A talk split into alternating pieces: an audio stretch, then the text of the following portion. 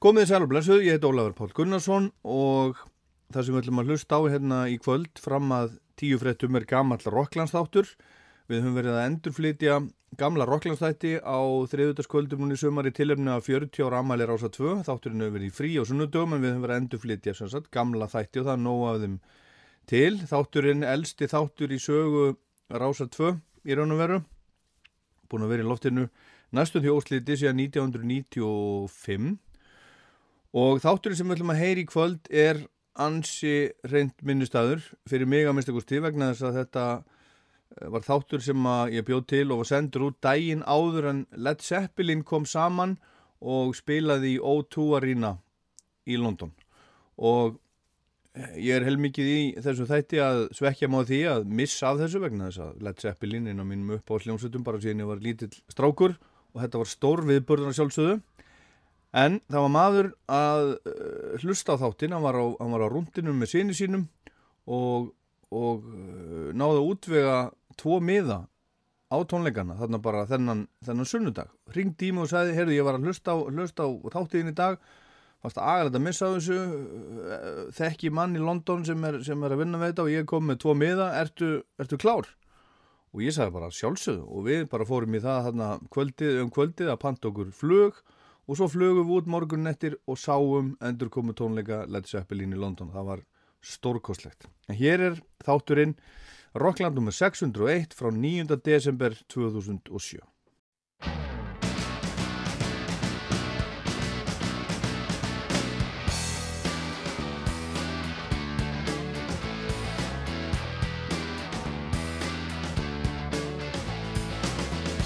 Komið sæl Ég heit Ólaður Pál Gunnarsson og þetta er þátturinn Rockland.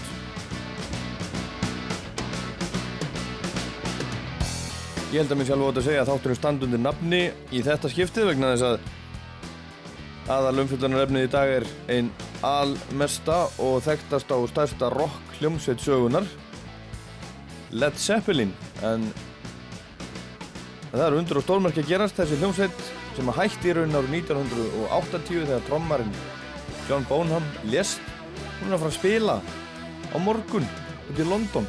Og mér finnst þetta stórmarkiljótt, stórviðbörður við erum fullt af Led Zeppelin hérna á eittir en ég ætla líka að spila nokkur jólalög þar sem að líður senn að jólum.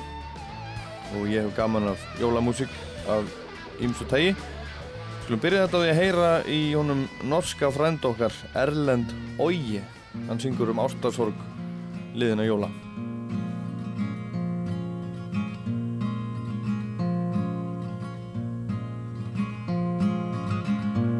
Once bitten, twice shy. I keep my distance, but you still catch my eye.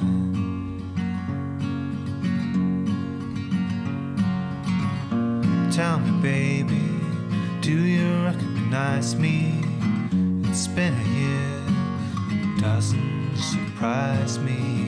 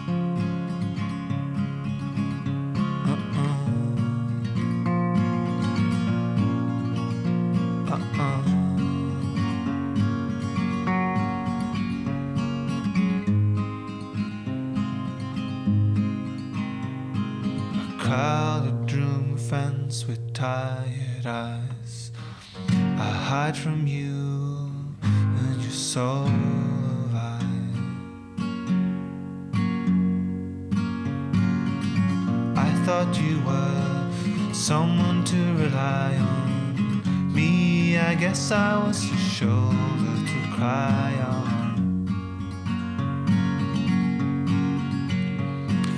Face on a lover with a fire in his heart. A man undercover,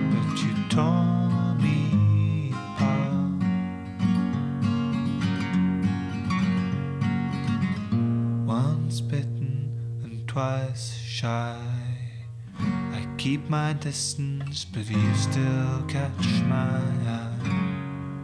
Stór skemmtilegt, Vam jólalægið Last Christmas, þarna flutt af Erlend Óje sem hefur komið og spilað til dæmis á erfæðsáttíðinni. Þetta er að finna plötu sem heitir Seasonal Greetings og þarna eru eh, skemmtilega jólalögi yfirskonar, til dæmis Long Way Around the Sea með Low og Nóttin var svo ágænt einn með Moom komund ára 2002. Sá hann í skífunu daginn. Hi, this is Ian Anderson from Jethro Tull, soon to join you with some orchestral music. You're listening to Rockland on Rouse Tour.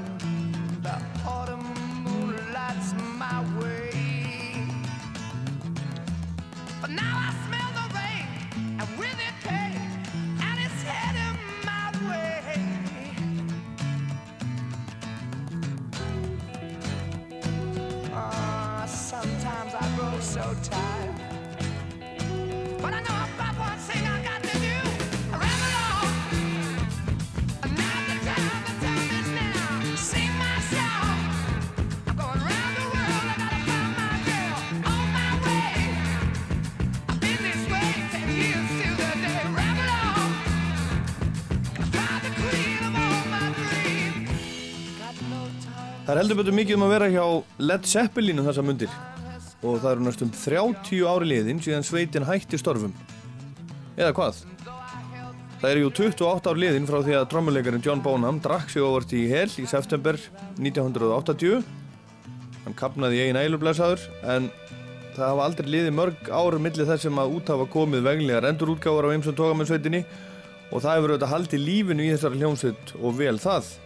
Það er Jimmy Page, gítarleikari og stopnandi Zeppelin sem á mestan heiðurinn af þessari endurvinnslu allri, endur hljóðblöndunum og slíku og það má eiginlega segja að hann sé eins konar verndari Led Zeppelin en þeir eftirlifandi liðsmennsveitarinnar fulltrúar Bónhams, umbóðsmenn þeirra allra og lögfræðingar hafa þá alla tíð verið í nánu sambandi svona business sambandi fyrst og fremst og haldið þannig loganum í gangi. Það var komið út remasters, kassar í mismunandi stærðum og gerðum, allar plötur sveitarinnar saman í veglegum kassa á CD fyrir nokkrum árum, DFD með áður óútgefnu efni ímiskonar og allt hefur þetta vækið mikla aðtigli og selst vel, þetta er auðvitað alveg stórkostleg hljómsveit.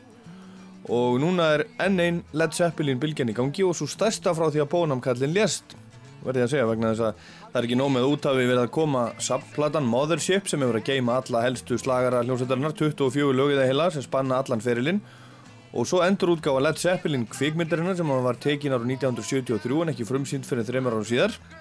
The Song Remains the Same heldur að sveitin að fara að spila á sínum fyrstu tónleikum í 28 ár núna á morgun í London í O2 höllinni þar Zeppelin er reynda langt í frá eina bandi sem kemur hérna fram á þessum tónleikum sem eru haldnir til minningar um Ahmed Ertegun, stopnanda og forstjóra Atlantic plötu útgáfunar sem að gerði samningu Zeppelin í november árið 1968 og gaf út fyrstu fimm plötuna þeirra og dreifði svo hinum eftir að útgáfu fyrirtæki þeirra Swan Song var til. En Led Zeppelin er aðalnúmerið þarna, headline bandið, en aðri sem að koma fram eru til dæmis Pete Townsend úr Who, Paolo Nutini og svo hljómsveitin Forerunner. Og það var ekki Ahmeds, Mika, sem hafði samband við Robert Plant snemma á árinu og spurði hann hvort hann væri hugsalega til í að hóa í gömlu félagana og koma fram á minningartónleikum um mannin sinn. Spila í svona kannski 40 mínútur og setja í leiðinni á stopn mentasjóð Ahmeds Ertegun sem að styrkja á und tónlistarfólk til náms í Breitlandi, Bandaríkjónum og jafnvel í Tyrklandi en Ertegun fættist í Istanbul í Tyrklandi árið 1923. Plant voru að hugsa málið eftir að, eftir að Mika, ekkjan, vakti máls á þessu. Og það fyrsta sem hún gerðist var að umbóðsmenn þeirra Plants, Jimmy Page og John Paul Jones hittust á fundi í London í mars.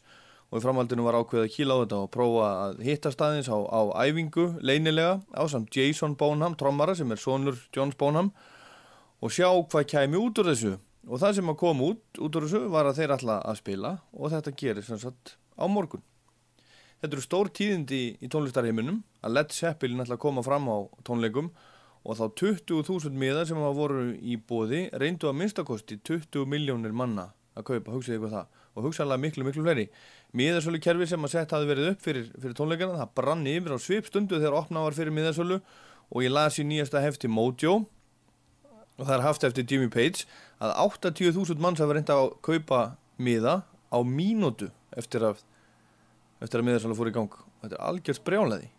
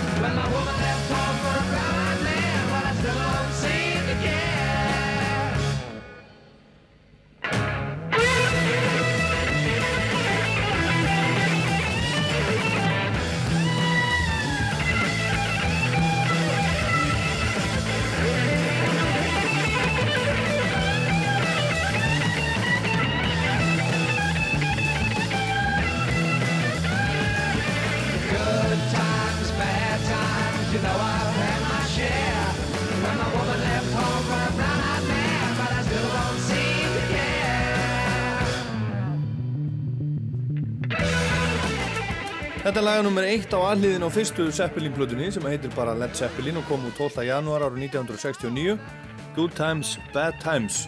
Og svo rekur hvert snilda lagið annað. Babe I'm Gonna Leave You You Shook Me, Dazed and Confused og fleiri. Og það er ekki bara þessi eina plata Zeppelin sem er masterpiece þar eru þær allar átta á sinn hátt. Og nú ætla þeir að dusta rikið af og nú ætla þeir að dusta rikið af lögunum sínum heldur betur kallandir á morgun í London og mikið vildi ég vera þar O2 höllin tekur 20.000 manns og þessir 20.000 sem að fengu miða eru öfundaður um allan heim. Það verður ekkert verið staðfest ennþá en það er ímislegt sem bendir til þess að það verði framhald á þessu samstarfi, kallar hann núna og ég er eitt þeirra sem á vona það alveg innilega. Þeir eru þarna þeir þrýr sem eru lífandi af þeim fjórum sem voru í hljómsveitinu á snunum tíma eins og fram hefur komið, Jimmy Page, gítarleikari, Robert Plant, söngvari og bassarleikarin John Paul Jones og trommari núna er svo engin annar en Jason Bonham, sonur Johns Bonham. En þessi tónleikar áttu uppáflega að fara fram 20. og 7. november síðastliðin en í miðju æfingaferlinu í síðasta mánuð einhvern tíman var Jimmy Page fyrir því óhappi að putta brotna og það þurfti að fresta giginu til 10. des. Unfortunately, I tripped over something in the dark. Basically, I, I, I came down on, on pavement and I was holding something, so I had a double impact on it, which was uh, most unfortunate. It was at the point where I thought, oh no, of all things to happen, it could have been just about anything else. It's not like getting over a, you have a cold, you can get over a cold and you know how long you've got. With this, there's quite a lot of work to be done with it, you know, physio. Maður hefði haldið að þessi maður Jimmy Page væri með djúpa og karlmannlega rödd en það er nú öðru nær. Hann er með háa og bjarta rödd og mér finnst hún hálfpartin ekki fara honum en ég verð bara að eiga það við mig.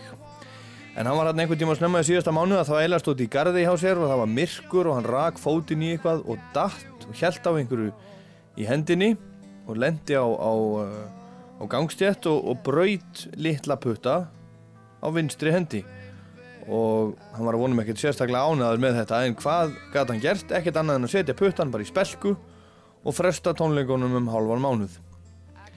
Það er 19 blaðsína greinum Led Zeppelin og þess að endur komu í nýjasta hefti Mojo blaðsins og þar segja þær allir þrýr, Page og Plant og Jones að þessi búið að vera sérstaklega gaman á æfingum hjá þeim.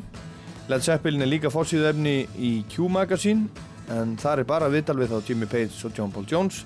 Plant vildi ekki ræða Zeppelin mál við Q vegna þess að hann er á fullu að kynna nýju plötuna sína sem hann gerði með country og bluegrass söngununni Alison Krauss. We had some initial rehearsals with the musicians in the band, and, and uh, boy oh boy, it was just uh, it, it, it, was so exhilarating to play together. We, we'd actually got together in a clandestine rehearsal situation with, with Robert and uh, Jason Bonham. And the hardest thing really of having anything to do with Led Zeppelin was actually getting together and rehearsing without anybody finding out about it, you know. And uh, I think we went in there with such a will that everyone wanted it to succeed on the playing level, you know, and, it did. It was absolutely, uh, it was dynamite. Uh, uh, and we hadn't committed to the dome at this point, or, or, or, the uh, Armitage-Ertegun, you know, cha- charity evening, because we wanted to see how well we'd be playing together. And uh, once we'd played together, yeah, it was without doubt we really wanted to do it.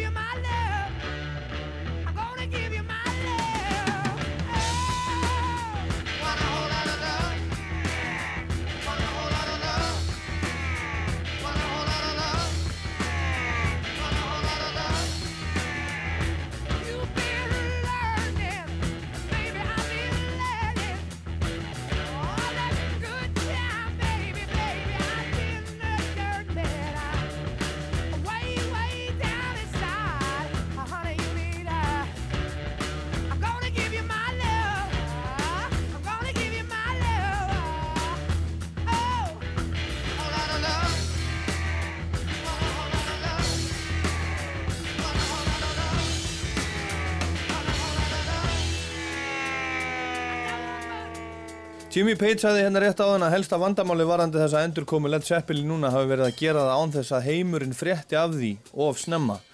Þá langaði að spila einu sinni, halda eina almennilega tónleika til heiðurs sínu gamla félaga Ahmed Ertegun. Hugmyndin kviknaði á tónleikum sem voru haldnir í fyrra einhvern tíman til heiðurs öðrum föllnum mestara, Led Belly. En þeir vildi ekki gera þetta nema þeir væri vissir um að þeir gætu gert þetta skamlaust. Og áður en nokkuð er því ákveðið vildu þeir hittast og prófa að spila þeim saman. Þeir hittu svo í sumar, snemma, þeir þrýr og bandinu og Jason Bonham. Og þetta small allt saman eins og flýs við rass eins og skot og þeim fannst eins og þeir hefur bara aldrei hætt. Svo veit enginn hvernig framhaldi verður eða hvort það verður einhvert framhald. En ef ég ætti að veðja á framhaldi eins og þeir gera í greiningadildum bankana sambandi við verðbregamarkaðin þá myndi ég orða þetta einhvern veginn svona. Þeir hafa allir lifað meira og minna á fordri fræð þessi kallar undanfann ára tugi lifað á arleið Led Zeppelin Jimmy Page hefur verið með einhver bönd í gangi og áhugi fólks heldur takmarkaður Hann spilaði svo um tíma talsvart sem gestur með bandarísku rocksveitin í Black Crowes auk þess sem að hann hefur séð um endur útgáfur á tónlist og myndefni Zeppelin. Hann segir í öllum viðtalum að hann sé game í meiri spilamennsku og hann sé til í að skoða hvað sem er hann hafi saknað þess að vera í þessari hljómsveit. John Paul Jones er svona þögglígægin í bandinu. Hann hefur undanfatt áratu í einbett sér að mestu að tónlist annara en hefur þó sendt frá sér fjórar sólarplötur á síðustu árið 2001. Ég get ekki skilið viðtöl sem ég hef séð við hann öðruvísun að hann sé til í að skoða ymsa möguleika og hann hefur ekkert falið það að þegar þeir Plant og Page tóku höndum saman fyrir rúmum áratúi gerðu saman plötunar No Quarter, Jimmy Page og Robert Plant Unleaded sem er tónleikaplata og svo stúdíoplötuna Walking into Clarksdale 1998 þá hafa hann orðið svolítið sár og nú fannst svona eins og þeir vera útilokan á, á leiðilegan hátt vegna þess að samstarfið gekk meira á minna hjá þeim þarna út á Led Zeppelin bara undir öðru nafni. Og ég held að hann sé klári meira rock með sínu gamlu félögum en hann segir þó í viðtalinu í janúar hefti Q hann hafi í raun verið fegin að vera laus úr greipum þessar skrimslis sem að Led Zeppelin var á sínu tíma þegar þeir þurftu að leggja árar í bát. Undanfæran ára hefur Jones aðalega einbætt sér að akustískri músík og sér í lagi Bluegrass og mér skilst að mandolin sé hans aðal hljóðfari í dag en ekki þryggja hálsa gítarar, mellotrón og fótbassi eins og í gamla daga. En hans hlutverk í Led Zeppelin var mjög stórt þó svo minnst hafi alltaf farið fyrir honum. Meiru það kannski á eftir. Jason Bonham er búinn að vera að undirbúa sig fyrir það í rauninni alla sína æfið að spila með Led Zeppelin. Hefur sapnað bútlegplötum árum saman og búinn að læra allt það sem að pappin hefur getað kent honum í gegnum plötunar þannig að hann kann öll triksin þó svo hann sé ekki með alveg sama stílin og ég efast ekki um að hann væri til í að fara í tónleikaferð með hljómsveit pappasins einni stærstu rocksveit sögunar og hann hefur verið að spurja það á æfingum hvort að þeir vilja hann endi lægið eins og þeir gerðu það þessum bútleg hann 1975 eða einhvern veginn örvísi og svo framvegis. En þá var bara prinsinn eftir söngvarinn Robert Plant.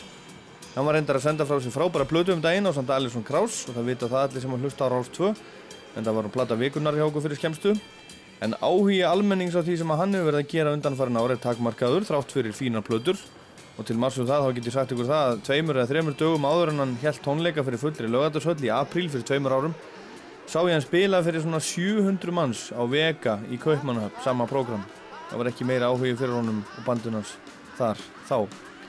Hann er samt örglas á síðasti af þeim í bandunum til þess að, að segja já við framhaldi vegna þess að hann hefur alltaf verið duglegur í sin eigin músík og hefur ekki viljað lifa endalust á því að vera bara gamli söngvarinn úr Led Zeppelin. En núna eru þeir að koma saman á réttum fósendum, virðulegum fósendum fyrir látin vinsinn og svo sjá þeir hvað áhugin er gífilegur bandið vel æft og, og þeir sjá að þeir geta auðveldlega farið í risa tónleikaferðum heiminn. Bara ef þeir ákveða að kíla á það fengi fullt af peningum ekki að það skorti peninga neittnaðum en þeir geta þá sínt líka enn einu sinni nýjum kynnslóðum hvað hún gekk út á þessi hljómsveit og svo skemmt sér konunglega í leiðinni. Þannig að ég held að þetta sé nokkuð skotelt. Ég held bara að þeir hljóti að kíla á þetta ég trúi ekki þetta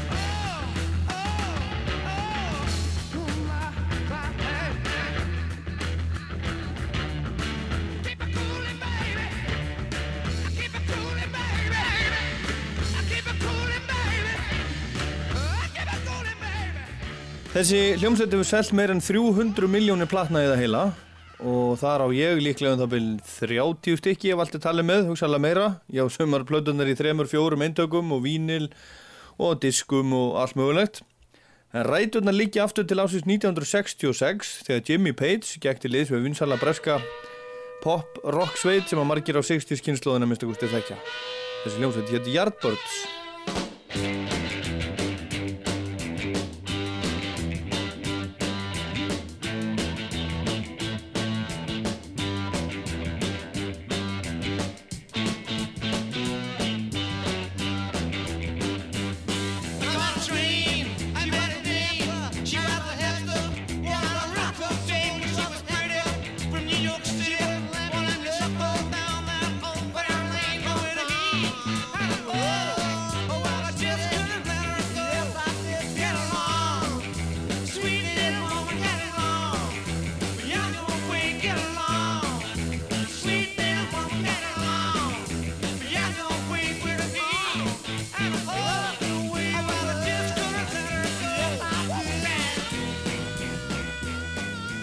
Eru Yardbirds frá 1965 í desember og lag sem heitir A Train, Train Kept a Rollin' en Jimmy Page gekk til liðs við þessar hljómsveitar á 1966 sem bassarleikir eftir að sá sem að var þar á undan honum Paul Samuel Smith hætti. Page spilaði reyndar ekki lengi á bassan skipti yfir á gítar og um tíma. Um fjóra manna skeið voru þeir saman hann að gítardúó hann og Jeff Beck sem er líka mikið gítarsinni Áður hafði Erik Clapton auðvitað verið gítarleikari í Yardbirds en hann hætti þegar hann fann sveitin verið að fara að spila of mikið pop. Yeah right. En þá átti hann líka eftir að stopna Cream, þetta var á þeim tíma þannig ég skil hann svona þokkalega. En uh, allavega Page var gítarleikari í Yardbirds en það æfintir í fjaraði hægt og rólega út og svo kom að því að þeir sem að þar voru treystu sér ekki til að halda lengur áfram Þetta voru auk Jimmys þeir trómarinn Jim McCarthy, söngvarinn Keith Ralph og bassarleikarinn Chris Dreja. Þeir McCarthy og Ralph vildu hætta en hinn tveir vildu halda áfram og ekki nóg með það þeir voru búinir að bóka tónleikaferð um Skandinavíu og við þá samninga varð að standa og það var umbóðsmaðurinn Peter Grant sem að setna var svo umbóðsmaður Led Zeppelin allar tíð sem að var umbóðsmaður Yardbirds og hann var harðunagling komað því og eftir. En þeir enda sem að voru að hætta sættust á að Page og Dreja myndu að halda áfram undir nafni Yardbirds en finna nýja stráka með sér til að klára þennan túr. Page hafði fyrst samband við söngvaran Terry Reid sem var ekki ósvipuður söngvarunum Paul Rodgers úr Free og Rod Stewart, svona hás og svalurgaur. Hann var ekki klár í slægin en meldi með ungum strák sem hann þekkti að kannast við tvítugum strák frá Birmingham sem var orðin svona svolítið nafn þarna á sínum heimaslóðum og þessi strákur var Robert Plant sem var ráðinn í bandið og það var svo hann sem mælti með vinnu sínum frábærum trommara sem hann hafði spilað með þá í hljómsveitinni Band of Joy og hljómaði einhvern veginn svona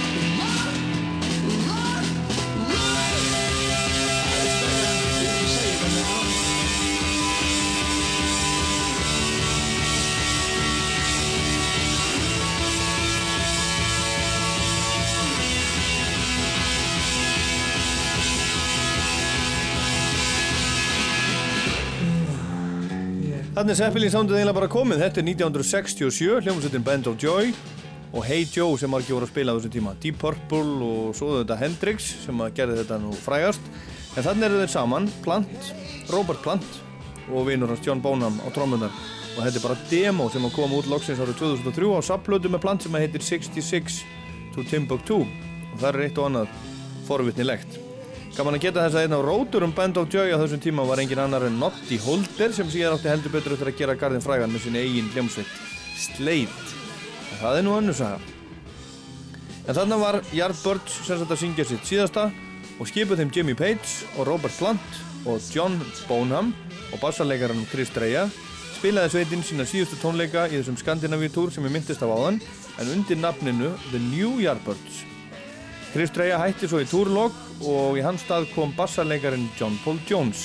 En hann ringdi í, Jimmy Page eftir að konuna spendunum á hann og þeir ekki stáða í bladi að, að, Page var að leita nýjum bassarleikara í nýtt band. Og þeir höfðu spilað þeim saman þeir Page og Jones enda höfðu þeir á þessu tíma unnið í mörg ár báðir sem session spilarar stúdíó hljóðfaraleikarar og hafðu spilað með Lulu og Donovan og inn á blöður með Kinks og Them og Marianne Faithfull og hinn og þessum og Jones er ekki minni snillingur en hinn þrýr en hann er sá þeirra sem hefur farið minnst fyrir alltaf en spilaði alltaf til mjög stóra rullu. Mikið músiksýni og spilar á allt mögulegt bassa og hljómborð og allan fjandan en þannig þegar hann var kominn í bandið um hausti 1968 var nafninu breykt í Led Zeppelin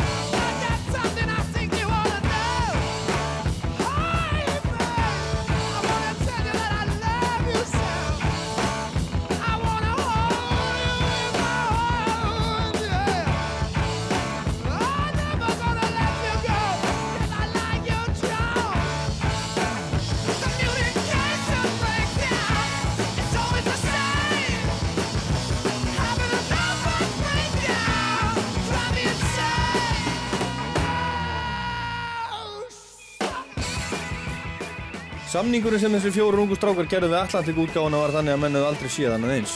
Þeir fengur nokkur hrauslega fyrirfram greiðslu frá útgáfunni og svo algjört listrænt frelsi sem var óheirt á þessum tíma.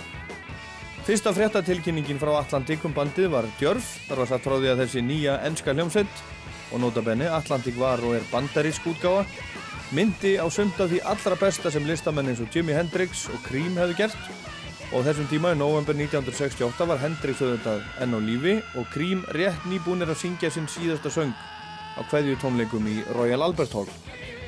Fyrstu tónleikarnir fóru fram 15. oktober 1968 og fyrsta platan, Led Zeppelin, sem hefur til dæmis að geima lægi sem hljómar hérna undir, Communication Breakdown, kom út í janúar 69, tekin upp á 36 klukkutímum, upptökurnar kostuðu 1750 pund og 5 árum síðar var hagnaðurinn af henni orðin 7 miljónir punda.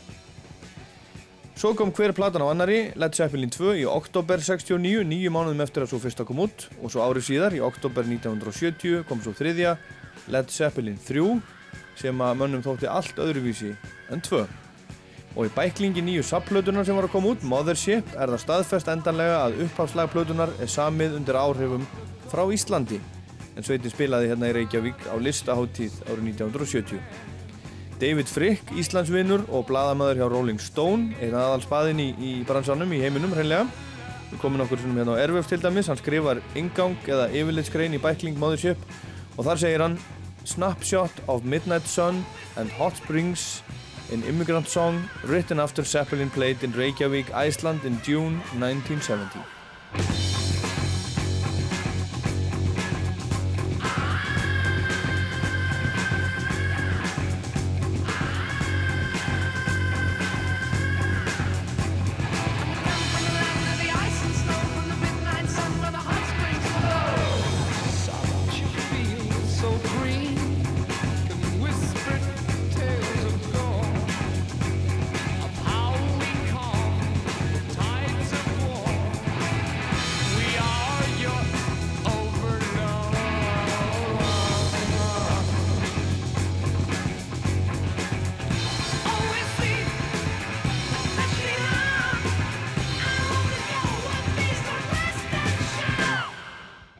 Svona hljómar það. Íslands lægið Immigrant Song af þriðju Zeppelin blöðunni frá því oktober 1970 komum betur á þessu á eftir en næsta plata á eftir þessari þriðju var auðvitað svo fjóruða sem heitir reyndar bara Led Zeppelin.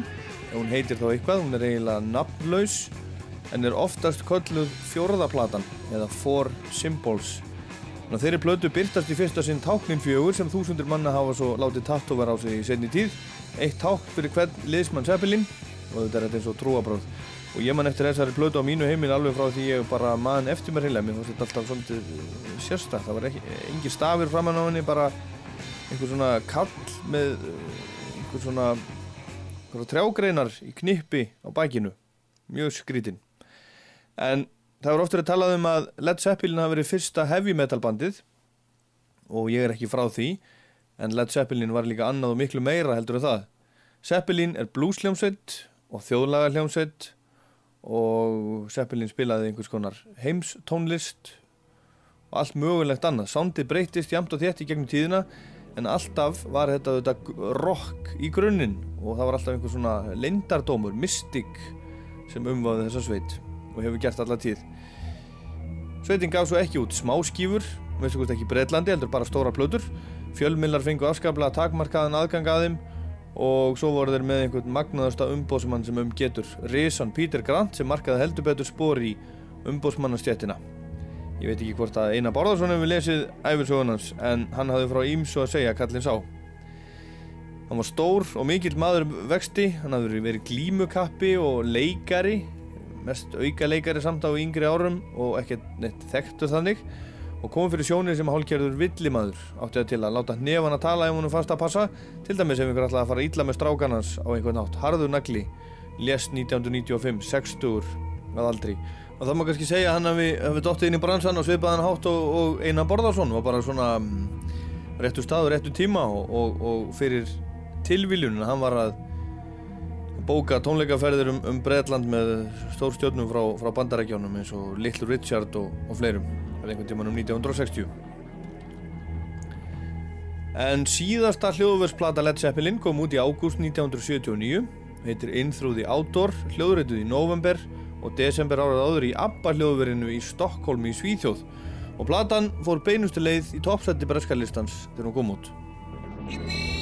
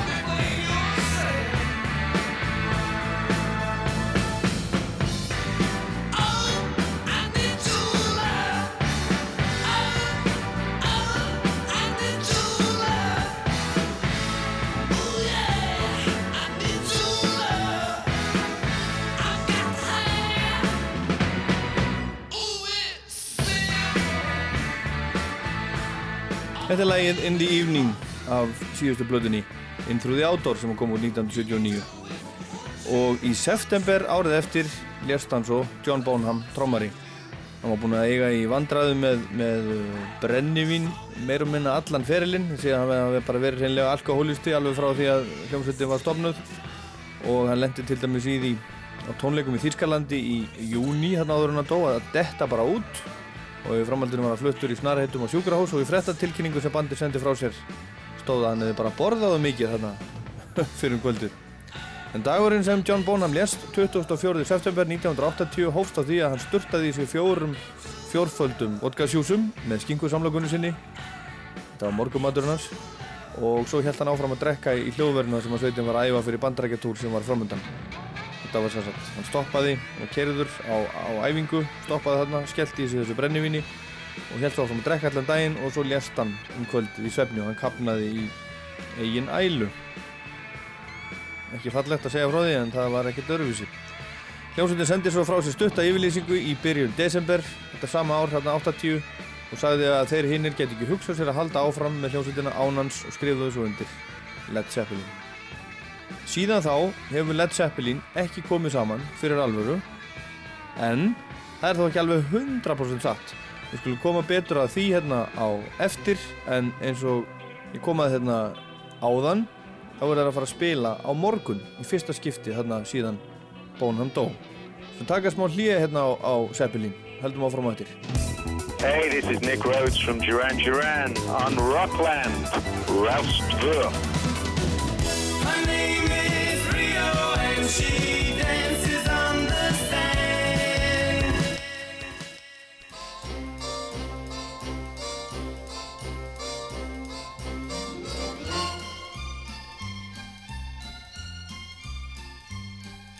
Frosty the snowman was a jolly happy soul with a corncob pipe and a button nose and two eyes made out of coal. Frosty the snowman is a fairy tale, they say. He was made of snow, but the children know how he came to life one day. There must have been some magic in that old silk hat they found. For when they placed it on his head, he began to dance around. Frosty the snowman was alive as he could be. And the children say he could laugh and play just the same as you and me.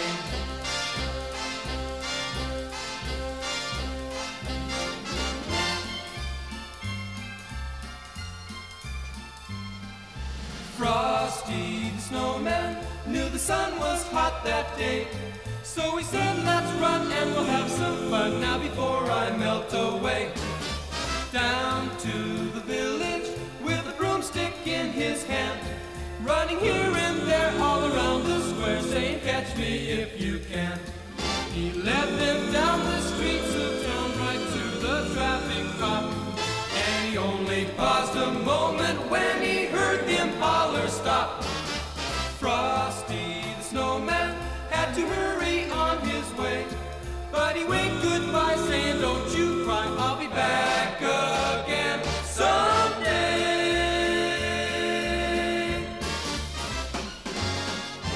Já, það er að koma jóla, styttist stóðum í jólinn og það er svona tilvalið að hafa smá jólarokkin í Rocklandi áður en við höldum áfram með Led Zeppelin, þetta voru Beach Boys og þetta var hljóðurindað 29. júni 1964 Frosty the Snowman og ég er að spila þetta af, af jólasablötu með Beach Boys sem heitir bara Christmas with the Beach Boys. Og þeir eru afskaplega fallegir hérna framann á umslæðinu að skreita jólatrið í fínu peysónum sínum. En þekktasta jólalagið er held ég White Christmas og það var margir sungið það. Bing Crosby Frank Sinatra Elvis og Flaming Lips slum heyra það með þeim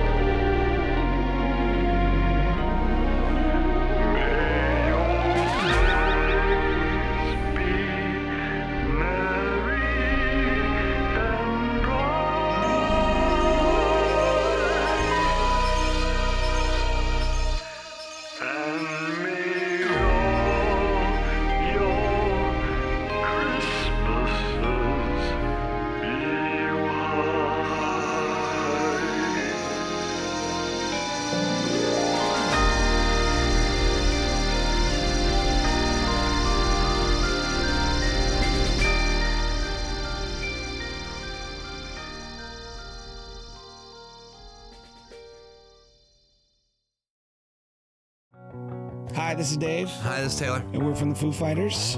We're coming to rock you All the time, every day, every night, every weekend, once a month. on Christmas. Holidays too. Happy Thanksgiving. Have a great birthday. Goodbye. See ya.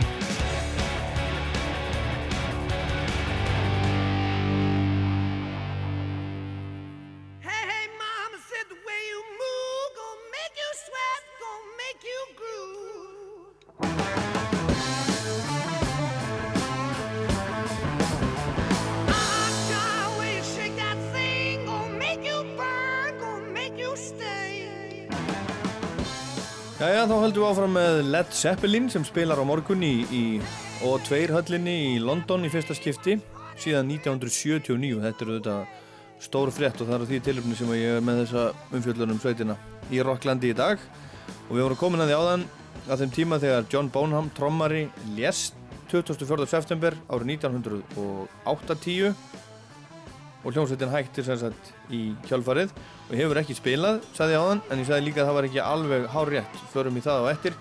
En svo kom að því árið 1994 að þeir komu saman, þeir Jimmy Page og Robert Plant tveir fjóruðu úr sveitinni og gerðu tónleikaplötu sem Plant og Page og þar voru aðalega á ferðinni gömul Zeppelin lögur endar í bland við nýtt efni sem þau söndu, sömdu svona mismikið saman. Svo plata heitir No Quarter Led Zeppelin Unleaded og það verkefni hófst allt saman eftir að MTV sjónvastöðin hafði samband við þá með Unplugged eða óramagnaðan koncert í huga. Þeir Plant og Page að segja okkur betur frá því en þetta viðtal er frá árinu 1998, Robert Plant. when we were approached by MTV to do the traditional sort of unplugged acoustic sitting on a stool job, we put our heads together and we said, well, if we are actually going to work together again, this and we use this as a kind of, um, uh, I suppose, a launching pad, then why don't we really work on the areas that, that will illuminate our music from the past and, and also try and write some new stuff. In doing so, we um, we realised that we, we we both got an affinity with Morocco. We've been there and travelled there a lot and wrote various bits of tunes in Zeppelin days there, and uh, so that was one of the scenarios. And the other one was the idea of taking Zeppelin numbers which were already appropriate and working with um, an Egyptian orchestra. All that worked really well, and during that period, we realised that we could write new stuff easily. It wasn't a struggle at all. It was just uh, we'd been apart for so long that there was a kind of yearning to to open the account again, and um, and uh, the new songs just kind of just keep tumbling out. Þetta talaði sjálfur Plant, hinn 50, hann var 50 ára og hann var hann að segja frá því að þegar MTV hafði samband við þá með uh, svona óramagnaðan koncert í huga það þeir farið að hugsa á gömlu félagarnir og þegar þeir voru búinir að ákveða að kýla á þetta þá ákveðu þeir að gera þetta almennilega og nota þennan MTV þátt sem stökkpall fyrir eitthvað meira. Þeir vildu nota tækifæri til að vekja aðtigli á, á gamla dótinu sínu, Zeppelin efninu og voru líka með það á bakvið eirað að semja saman eitthvað nýtt efni. Þó svo þeir Plant og Page hafi verið saman í hljómsveiti heil 12 ára svona tíma þá voru þarna liðin 20 ár þá þegar sveitin var, var lögð í gröfina og þeir í eru ekki verið í stöðu sambandi þarna síðan þá. En þegar þeir svo hittust aftur og fóru að spjalla saman komuð upp á kafinu að þeir voru báðir áskaplega hrifnir af Marokko og hafðu reyndar verið það alla tíð síðan á Zeppelin árunum og þeir að meira séu sömdu dálitið af músík í Marokko þegar þeir voru í Zeppelin, Kashmir og allt það En þeir ákvaðu þá að hafa þetta dálitið svona á Morocco-nótonum í þessu MTV verkefni, bæði á nýja efninu sem þeir ætlaðu að semja og svo ákvaðu líka að ráða egypska hljómsveit til þess að gefa gömlu Zeppelin-lögunum nýtt bragð og útlitt. Og þetta gekk allt mjög vel hjá þeim, þetta MTV verkefni og Plant sagði hérna að e, þeir hafi komið staði að þeir áttu mjög auðvelt með að vinna saman og, og nýju lögin bara komu á færibandi og næstum eins og það væri bara skrúa frá krana. Það var liðið svo langt frá því að þeir hafðu unnið saman að, að löngunin til að gera eitthvað saman var orðin mjög mikil, sagði Robert Plant árið 1998.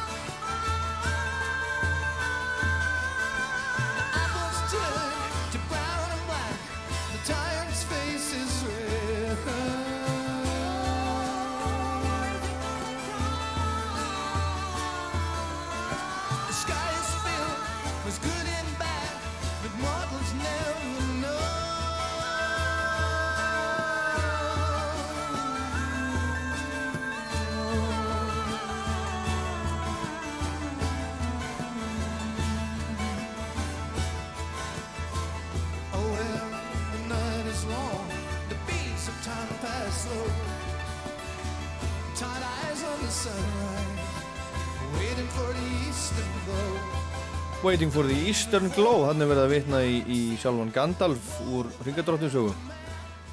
En þetta lag, The Battle of Evermore, kom upp á út á fjóruður seppil í plötunni og þá söng þetta með þeim ennska söngkonan Sandy Denny sem að þá hafði þegar gert garðin frægan með Fairport Convention sem var svona þjóðlaga rocksveit ennsk. En þarna á þessari tónleikaplötu frá 1994, No Quarter, syngur þetta með þeim söngkonan Namja Akhtar sem er fætt og alin upp í Sussex á Englandi en er af austurlenskum ættum. Og það er gaman að geta þess að, þetta lag er allt vaðandi í vísunum í Ringadróttinsögum. En Plant var sérstaklega á þessum árum mikill aðdáandi Tolkiens og þetta er langt í frá eina lag seppilin þar sem að leita er fanga í Lord of the Rings. Ég get nefnt til dæmis Misty Mountain Hop og svo Rumble On svona í fljótu bræði. En heyrum hvað Jimmy Page hafði að segja um samstarf hans og, og Roberts Plant þarna þegar þetta var 94, 98. Well, as we said, we had a plot as to how we wanted to present or represent, you know, the old material. Uh, in fact, you know, amplifying the colours that were there originally, whether it be like Oriental sort of, you know, overtones, bringing that right to the forefront. And basically, as Robert was saying earlier on, you know, getting into a writing mode, which we did. We wrote some songs for that um, project. And, and once we took that out on the road, um, which was quite an incredible thing to do, really, with two orchestras, one one traditional and the other one the, the Egyptian, and all, all these uh, other musicians. Um, we, we're having a really good time, and uh, we, we, we went out there for about 13 months touring, and we just wanted to keep the momentum going, you know, but take it out, out of that framework, which was quite restricting, and take it into a much freer element where we could sort of improvise with the numbers once we got them on stage. Þannig talaði Jimmy Page og hann sagði að það sem að það var langið til að gera þarna á þessu tíma hafi verið að magna litina í gömlu lögunum, ígja þá með austurlenskum áhrifum og hafa þau í forgrunni og svo náttúrulega líka semja ný lög sem að þeir gerðu. Þegar þeir voru svo búinir með þessa vinnu fyrir MTV, þennan Unplugged sjónvastátt sem að varð annað og miklu meira heldur en það, gáðu þeir út blötu með lögunum sem að þeir hafðu tekið upp, no quarter og svo skelltu þeir sér í tónleikaferð út um allan heim. Page segir að það hefur verið alveg stórgóðslegt því með í för voru bæði hefðbundin rockljónsitt og líka tíumanna egypsk stórljónsitt. Þeir voru á ferðinni í rúmt ár og ég var svo heppinn að sjá þá spila á Glastonbury hátíðinni 1995 og hitti þá svo aðeins eftir tónleikana. Jimmy Page vildi ekkert við mig tala eða, eða aðra síndist mér en ég náði smá spjalli við, við Plant og hann virtist óskup elskulegu náungi og kurteis heyrum það hérna á eftir. En hvað um það, eftir að tórnum laug ákvaðu þeir að nota meðbyrjun sem þeir höfðu og eigin áhuga og byrja að vinna meira nýju efni á breyðari grundvelli en þeir höfðu haft þegar þeir byrjuði að vinna saman aftur rúmu ári fyrr. Yeah, I think I'd spend a lot of time trying to, um, not trying, but achieving to some degree a, a complete removal from the Led Zeppelin mold. I mean, I couldn't understand the psychology of everybody believing that once you do one thing with a certain bunch of people, you've got to, you're typecast forever to do that. So I'd gone off and, and I'd had various achievements so, solo-wise, not always commercial, but at least sp- if you can say spiritual, it's a bit of a hoot to say that. But I'm, I- I'd gone somewhere, and um, having distanced myself that much, I really then missed the power that we were able to create together. But at the same time, I didn't want it to be Led Zeppelin anymore. You know, Plant sagðist þarna hafa eitt miklum tíma og púðri gegnum árinni að skilja sjálfan sig frá Led Zeppelin. Hann sést aldrei hafa skilið þann hugsunahátt sem er svo ríkjandi að um leið og tekur aður eitthvað ákveðið hlutverk þá getur ekki gert neitt annað en nákvæmlega bara þetta, þetta eina. Þetta er svona eins og leikar að lenda í. Ef þú ert grínisti þá ertu bara grínisti og ekkert annað. Eða það er það sem fólk heldur og á sama hátt var Robert Plant í Led Zeppelin og þá gæti hann ekkert annað en bara haldið áfram að gera Zeppelin rock. En hann gerði það ekki, hann hefur reynd ímiskona músiki gegnum tíðina þó svo gamla Plant og Zeppelin soundið hafi nú alltaf verið áberandi. Þetta hefur ekki alltaf verið vinsælt hjá mér, segir Plant, en leggur áherslu á að hann hafi þó sífælt verið í framþróun og svo bætir hann við. En þegar ég var svo búinn að ná þessari fjallað frá Zeppelin, fann ég hvað ég saknaði kraftsins sem við Jimmy gátum framkalla saman. En á sama tíma vildi ég alls ekki að þetta yrði Led Zeppelin hjá okkur. But you still got your foot in the man trap no matter what. You know, we do play Led Zeppelin songs. We did write a lot of them songs together. And um, and so really I had a bit of a psych a bit of a sort of psychological problem with the idea of working with Jimmy would then mean that I was trapped again. But I was trapped anyway. And once we started working I realized that it that I'd given it all that time to try and do other things and and now we'd both yearned for so long to make it work again and it was working great and I thought wow if I'd have left it another year maybe it wouldn't have worked at all you know because we'd have passed the point but um, as Jimmy said maybe we left it 10 years too long if we'd have done all this 10 years ago we might you know right today. Who knows what we could have been? We'd have probably been shepherds in Anatolia somewhere wailing away with some guy with the panpipes and a lot of sheep. Já, þó svo að Robert hafi sagt hann árið 1998 að hann hefði alls ekki viljað endurvekja Zeppelin og neitt hátt. Aftur hafa hann átt að sjá því að hann var heldur betur fastur í Zeppelin gildrunni, eða má orða þannig. Þeir spiluðu fullt af gamlum Zeppelin lögum á tónleikonum í No Quarter tónleikaferðinu, það voru þetta þeirra lög, þeir sömdu megnið af lögum Zeppelin á sínu tíma. Og hann sagði að hann hefði orðið þetta aldrei hrættur áður en þeir byrjuði að vinna saman aftur og fannst hann hálpasti vera að festa sig hérna í þessari margum töluðu gildru. En gerði sér svo grimm fyrir því að hann var kortið er í henni. Og það var líka ofanlega hugum þeirra begja að þeir voru búin að eigða mörgum árum, Þegar þeir svo settu í gang var áhugin reynlega að drepa þá og allt gekk að óskum en Robert saðist alls ekki vera vissum að neitt hefði gengið ef þeir hefðu beðið til dæmis í ári viðbót þá hefði meðbyrjinn kannski verið farin en á sama hátt hafið þeir kannski beðið tíu árum of lengi með þetta allt saman. Hver veit hvað við varum að gera í dag ef við hefum gert þetta fyrir tíu árum?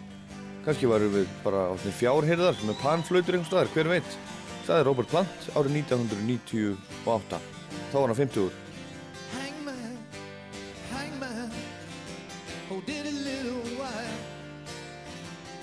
I see my friends coming right in Main Mile.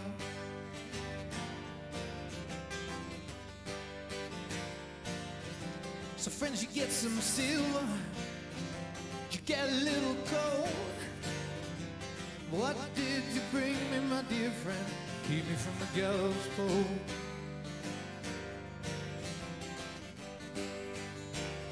What did you bring me? Keep me from the gallows pole.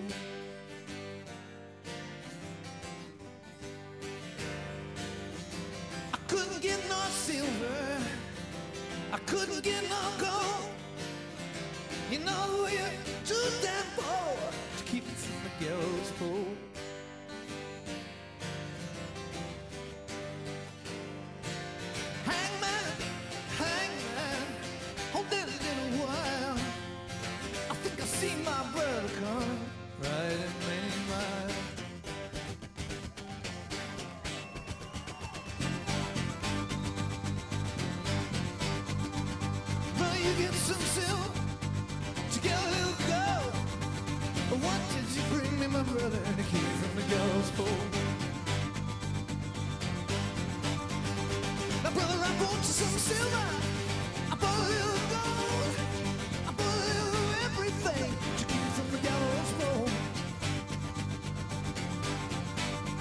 Yes, I brought you to keep you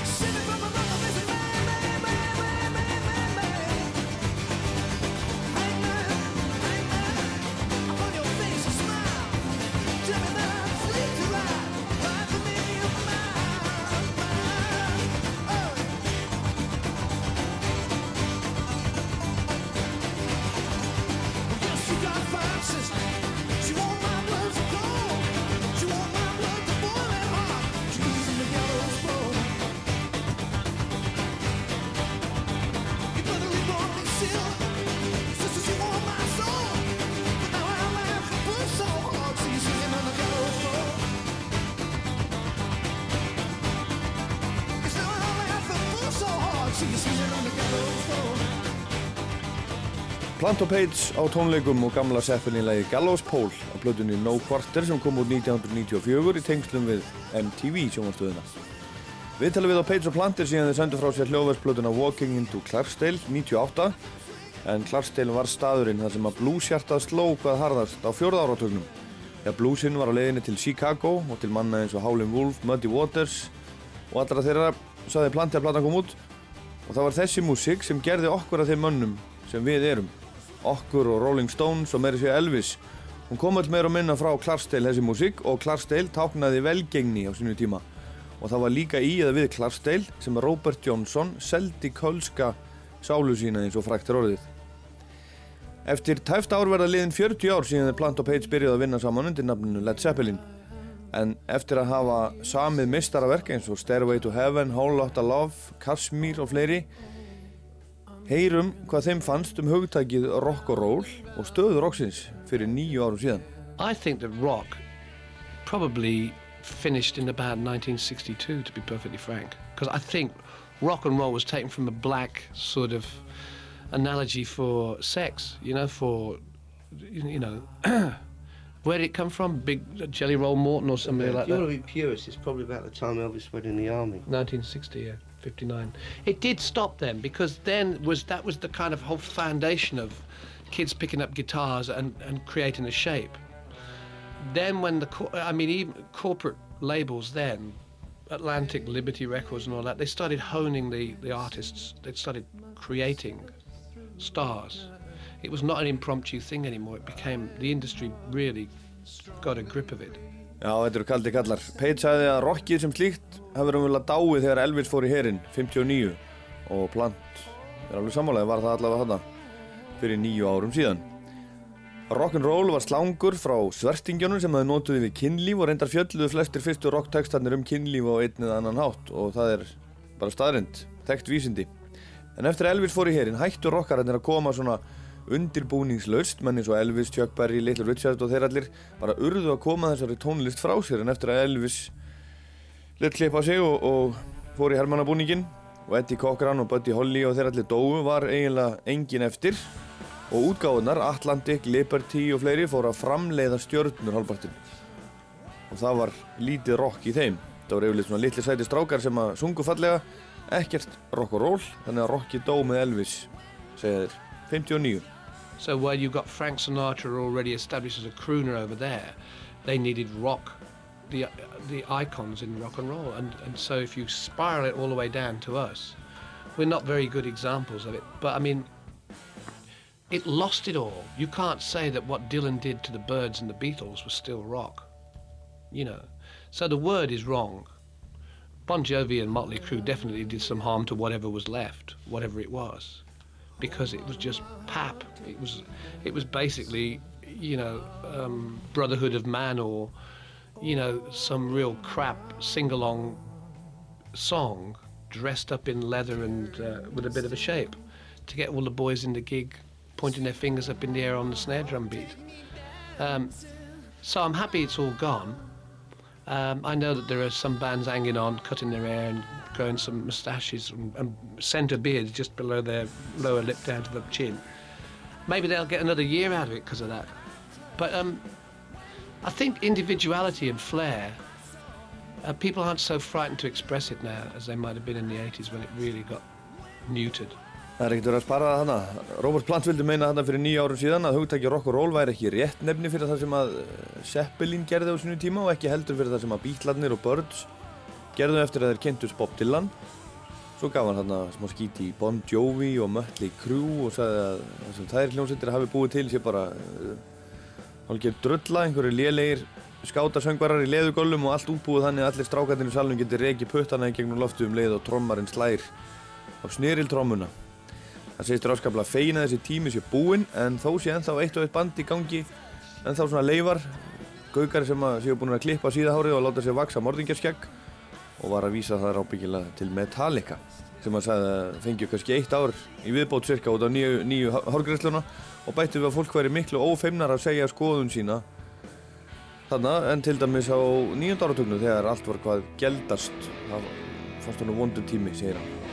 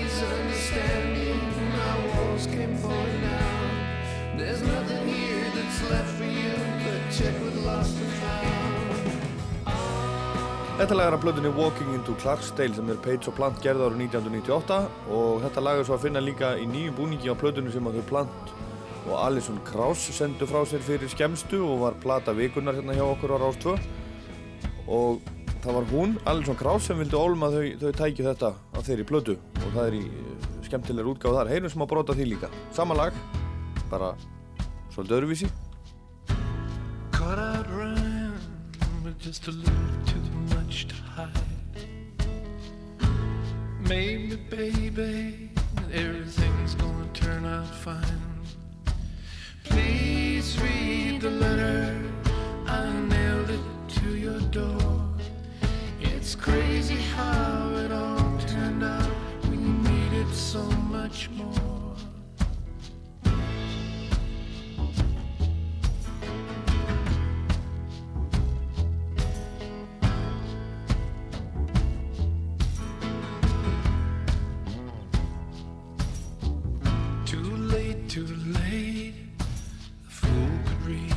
Read the sign. Maybe, baby, you better check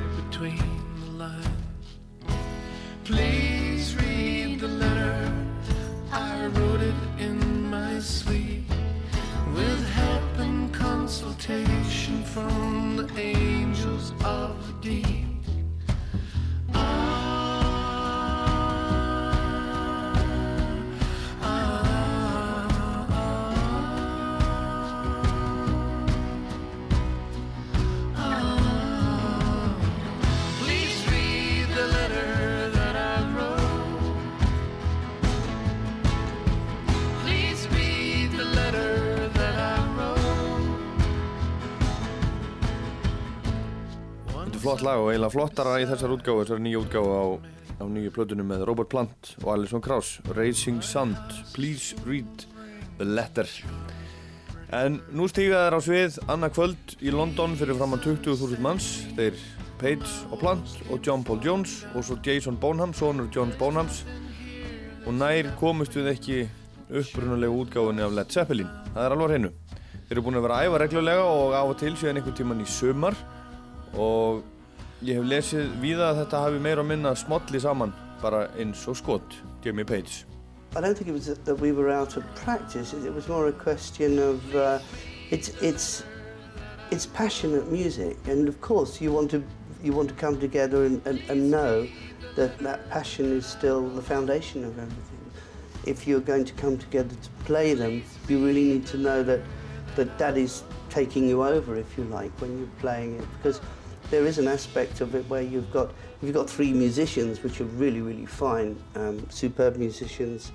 To, to play as a group, it's something else. I mean, you, the, the, the fact that we have Jason with us is is marvelous because uh, there's an understanding of the music and a love for the music as well. And and I, I'm sure I, I know that each one of us has played Led Zeppelin songs with other musicians, but actually have the musicians together that know why it works and why it ticks is um, is an all-important factor to it, you know. So on the initial rehearsal that we had, it was well, let's see how we get on with the numbers, and, and it just basically went into overdrive.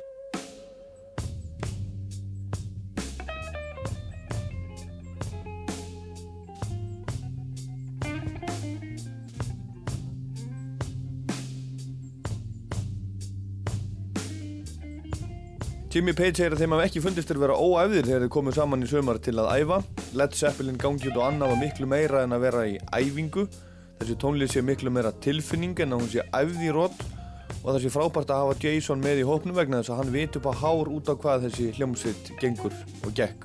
Og þeir allir, líka Jason hafi spilað lög Led Zeppelin í gegnum tíðina með hinum og þessum. Og þegar þeir komu saman til að æfa hafi þetta á svipstundu bara smollið í overdrive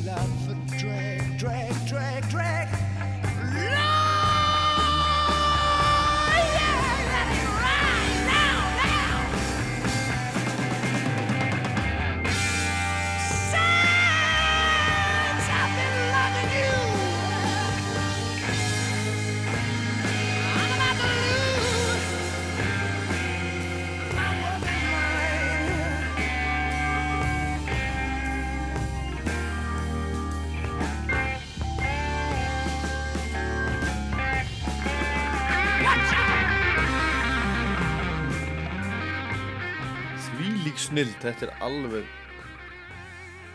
ótrúleg músík. Led Zeppelin, Since I've Been Loving You.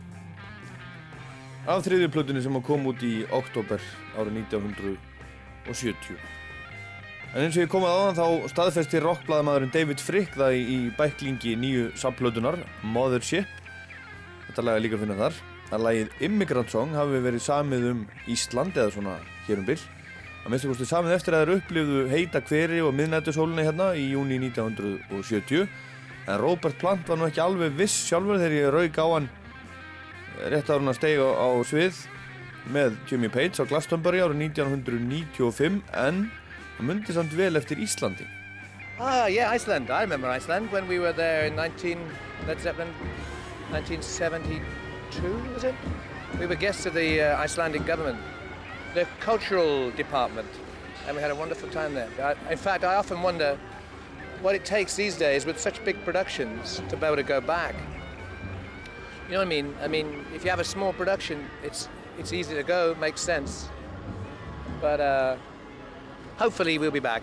Yeah? Uh, yeah. Uh, people in Iceland they are often talking about your song, the immigrant song, that That's they right. that you made that one about Iceland. Is that true? Well, not about Iceland, but about me in Iceland, and about yeah, about the time that we were there. But it was just um, it was a little bit of sense of humour, you see. Yeah. Yeah, but it's um, it's cool. I I listen to it and it always reminds me of Iceland. Yeah, we had some good fun there. And so you want to come back there someday? Would love to come back, but I mean when I don't know. All I know is I'm going on stage in a minute, so.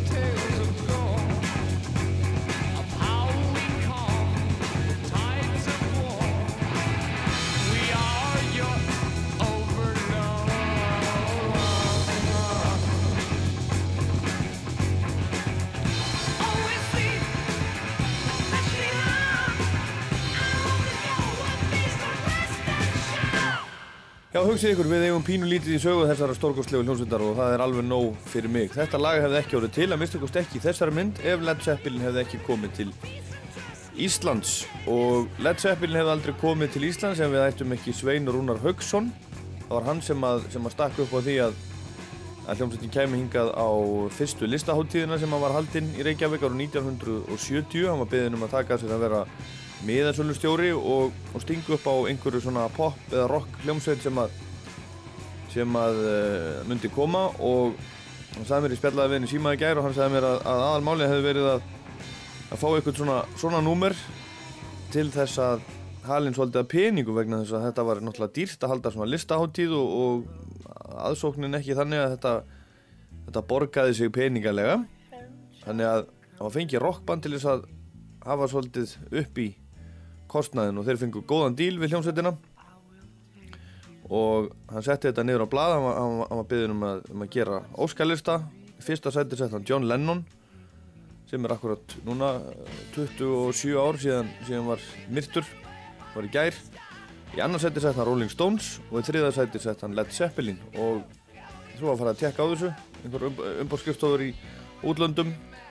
Og Led Zeppelin var sem sagt fyrir valinu Á netinu er hægt að sjá dagskrá listaháttíðar allt frá 1970 og það er meðal hans hægt að sjá að tónleikarnir hófust klukkan 22.30 mánundaskvöldi 22. júni 1970 og þar stendur eftirfarandi um Led Zeppelin í dagskráháttíðarinnar Led Zeppelin er einn frægasta og vinsalasta pop-hljómsveit samtímans.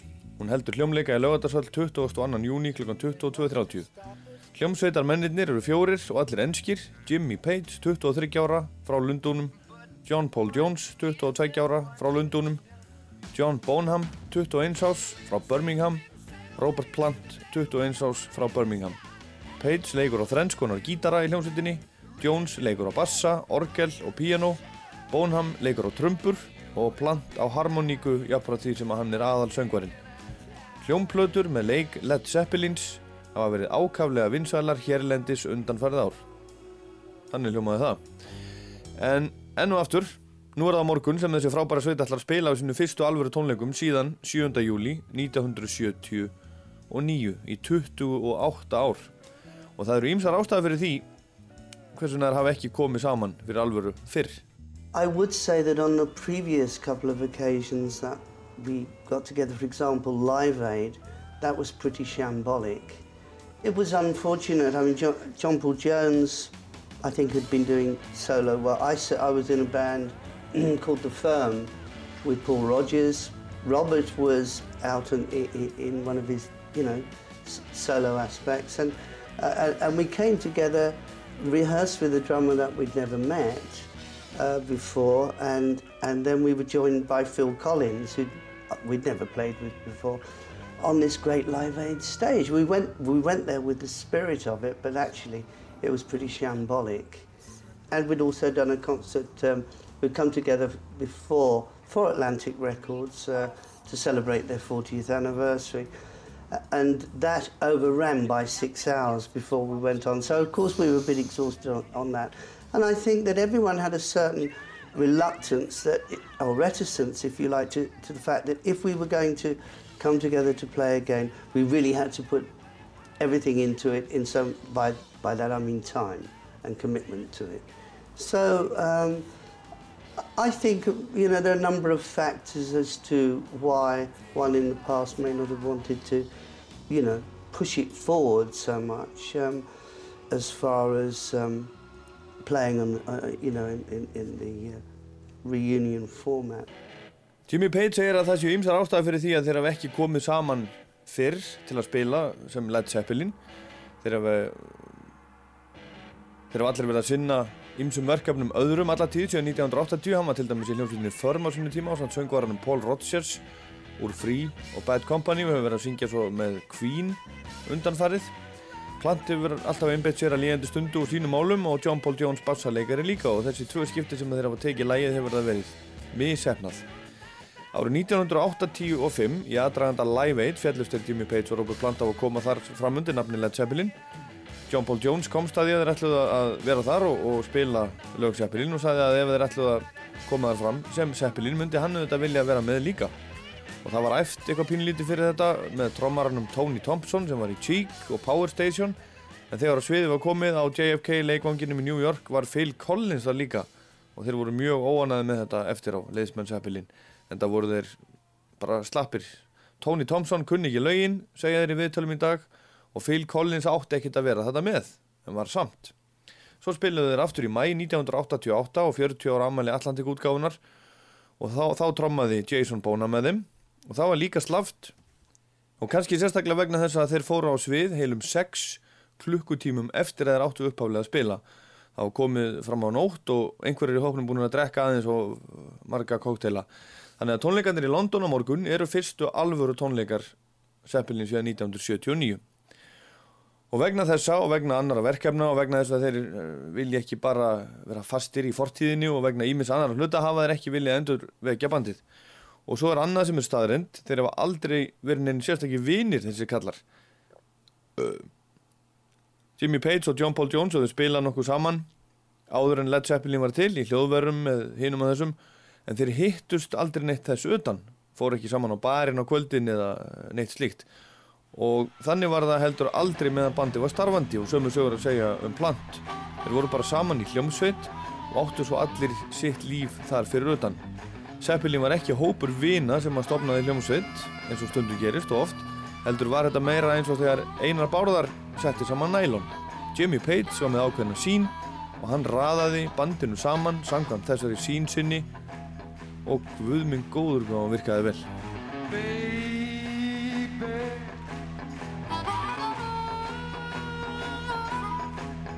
Oh, baby.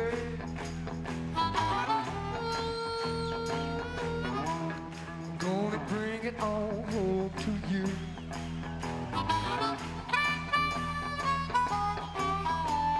I bought my ticket. I got that low.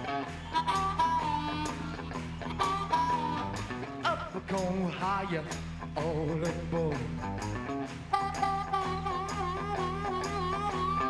Take my seat right way back low. Watch this train rolling down the track. And bring it on home, bring it on home to you.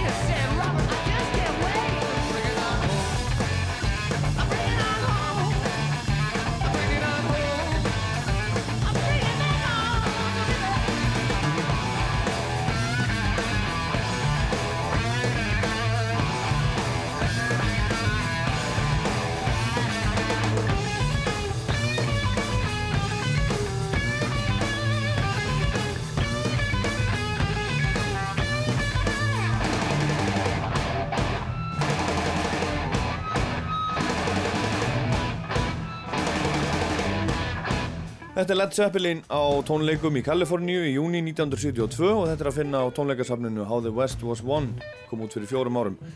En þetta er lagið Bring It On Home eftir bluesarran Willie Dixon, kom uppaflega út á Zeppelin 2 1969. Og þessi tónleikaplata, hún sýnir vel hvað þetta var einstakt tónleikaband. To be in a band where you've got four members who play together that actually take on a fifth element when they're playing and, and in a live capacity were firing off of improvisation. Most of the set had areas of improvisation so when you would go on stage you wouldn't actually know what was going to be happening through the set because it was just coming coming being if you like it was almost being channeled you know so um, the audiences were, were, were, were, were- coming in droves to see us, and, and, and, and as far as the supply and demand went, we, we could never supply the demand, almost like now. Jimmy Page segir að þó svo þeirra hafi bara verið fjórir í bandinu þá hafi eitt element til viðbótar orða til þegar þeir spiluðu á tónleikum. Þeir voru aldrei með alveg á hreinu hvað myndi gerast á sviðinu hjá þeim. Það var svo mikill spuni og aldrei gátu þeir annað eftirspurninni eftir miðum á tónleika, ekkert frekar en núna árið 2007.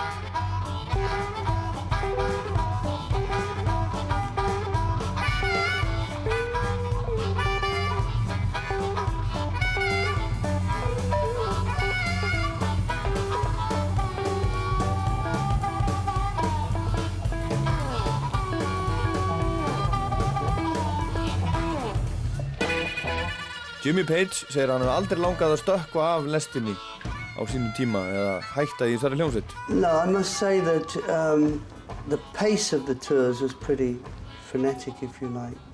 Uh, and um, at the end of those tours, I took time out, if you like, you know, so there was quite a balance, there's quite a yin-yang to it, because could, I couldn't really live at that pace, you know, uh, th- throughout a whole year, for example. So it was, you know, there was pacing towards the tours, and then time to sort of reflect, if you like, off the road. Þetta var oft talsvægt puð og mikil keisla, segir Jimmy Page í dag og það var ekki hægt að vera alltaf og stöðut á hundrað. Og hann segist auðvitað að hafa tekið sér góð frí á milli til þess að anda eins og þeir allir en aldrei langaðan til þess að hætta. Og það er ekki annað að heyra á honum en að hann vilja þeir taki upp þráðinn þaðan sem frá var horfið fyrir öllum þessum árum og smelli sér í tónleikaferð.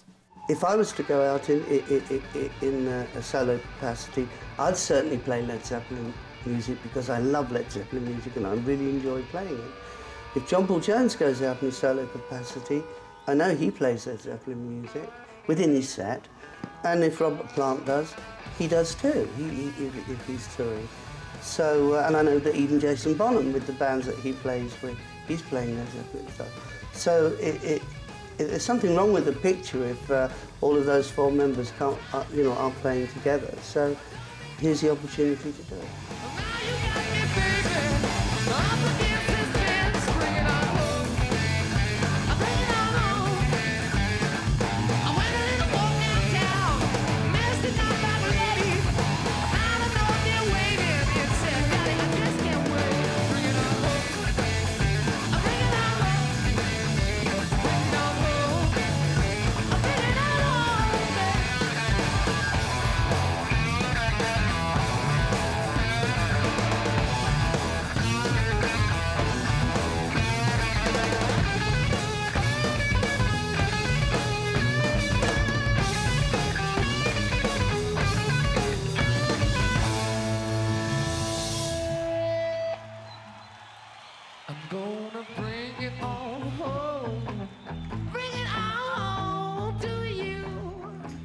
Hver veit hvað þú ættir að gerast kannski og ættir að sjá Led Zeppelin, jafnvel hérna í Reykjavík, aftur, en kannski ekki. Það var Robert Plant sem setti ferlið í gang sem að nær hámarki á morgun með tónleikunum í O2 höllinni í London og ég hugsa að þeir allir bara sjá hvernig gengur. Og ef þetta verður mega success, þá gera þeir kannski eitthvað meira en ef þetta verður misefnað enn og aftur þá láta þeir þar við setja og í sögubókum verður þetta bara giggið sem þeir spiluðu fyrir vinsinn Ahmed Ertegun þegar þeir ákvaða að skjóta úr gömlu fallbyssunni einu sinni enn. En ég hef skinnjað það í viðtölum við þá kallana að Page sé heitur fyrir framaldi og John Paul Jones líka.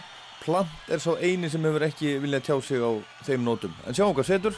Þetta er auðvitað alvöru mál fyrir ótrúlega marga að fá kannski að sjá Led Zeppelin á sviði 2007-2008 það er bara eins og fyrir fuggla áhuga fólk að sjá lifandi gerfugl það er ekkert flóknur eða það. En þá skulum við bara ljúka þessu. Ég ætla ekki að enda þetta á Led Zeppelin heldur Dread Zeppelin. Ég heit Ólaður Pál Gunnarsson. Takk fyrir að hlusta og verðið sæl.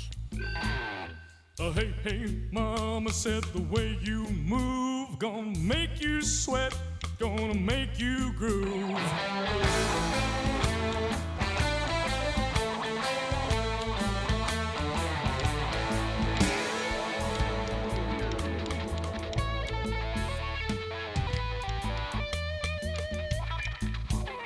Oh, I like the way you shake that thing. Watch honey drip, I can't keep away.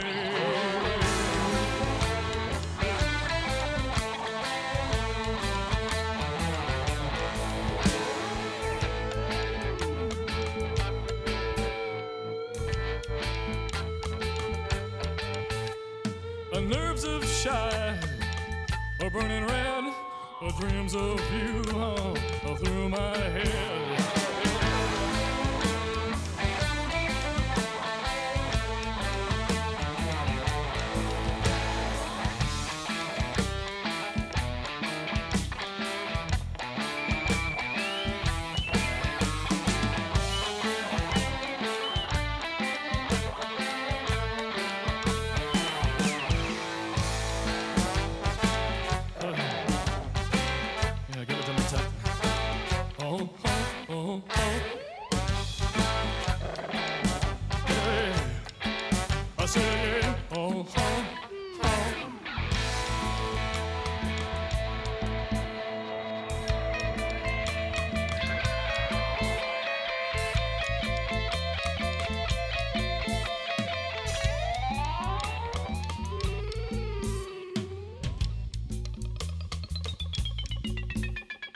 Charlie knows that I found out what people mean by down and out.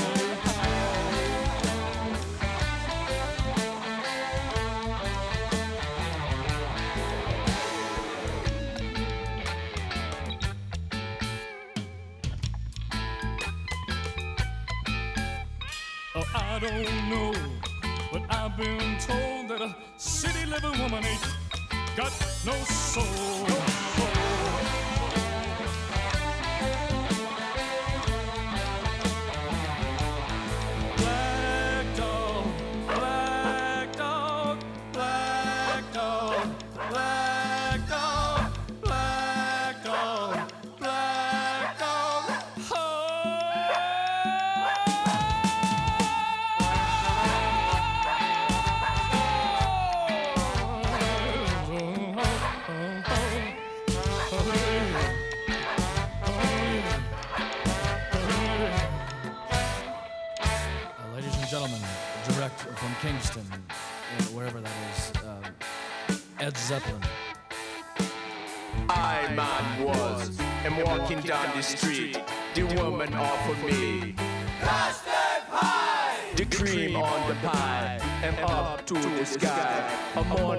The cut the slice of the custard pie. Morning taste fine, me eat it all the time. And want the candy having it. Now I man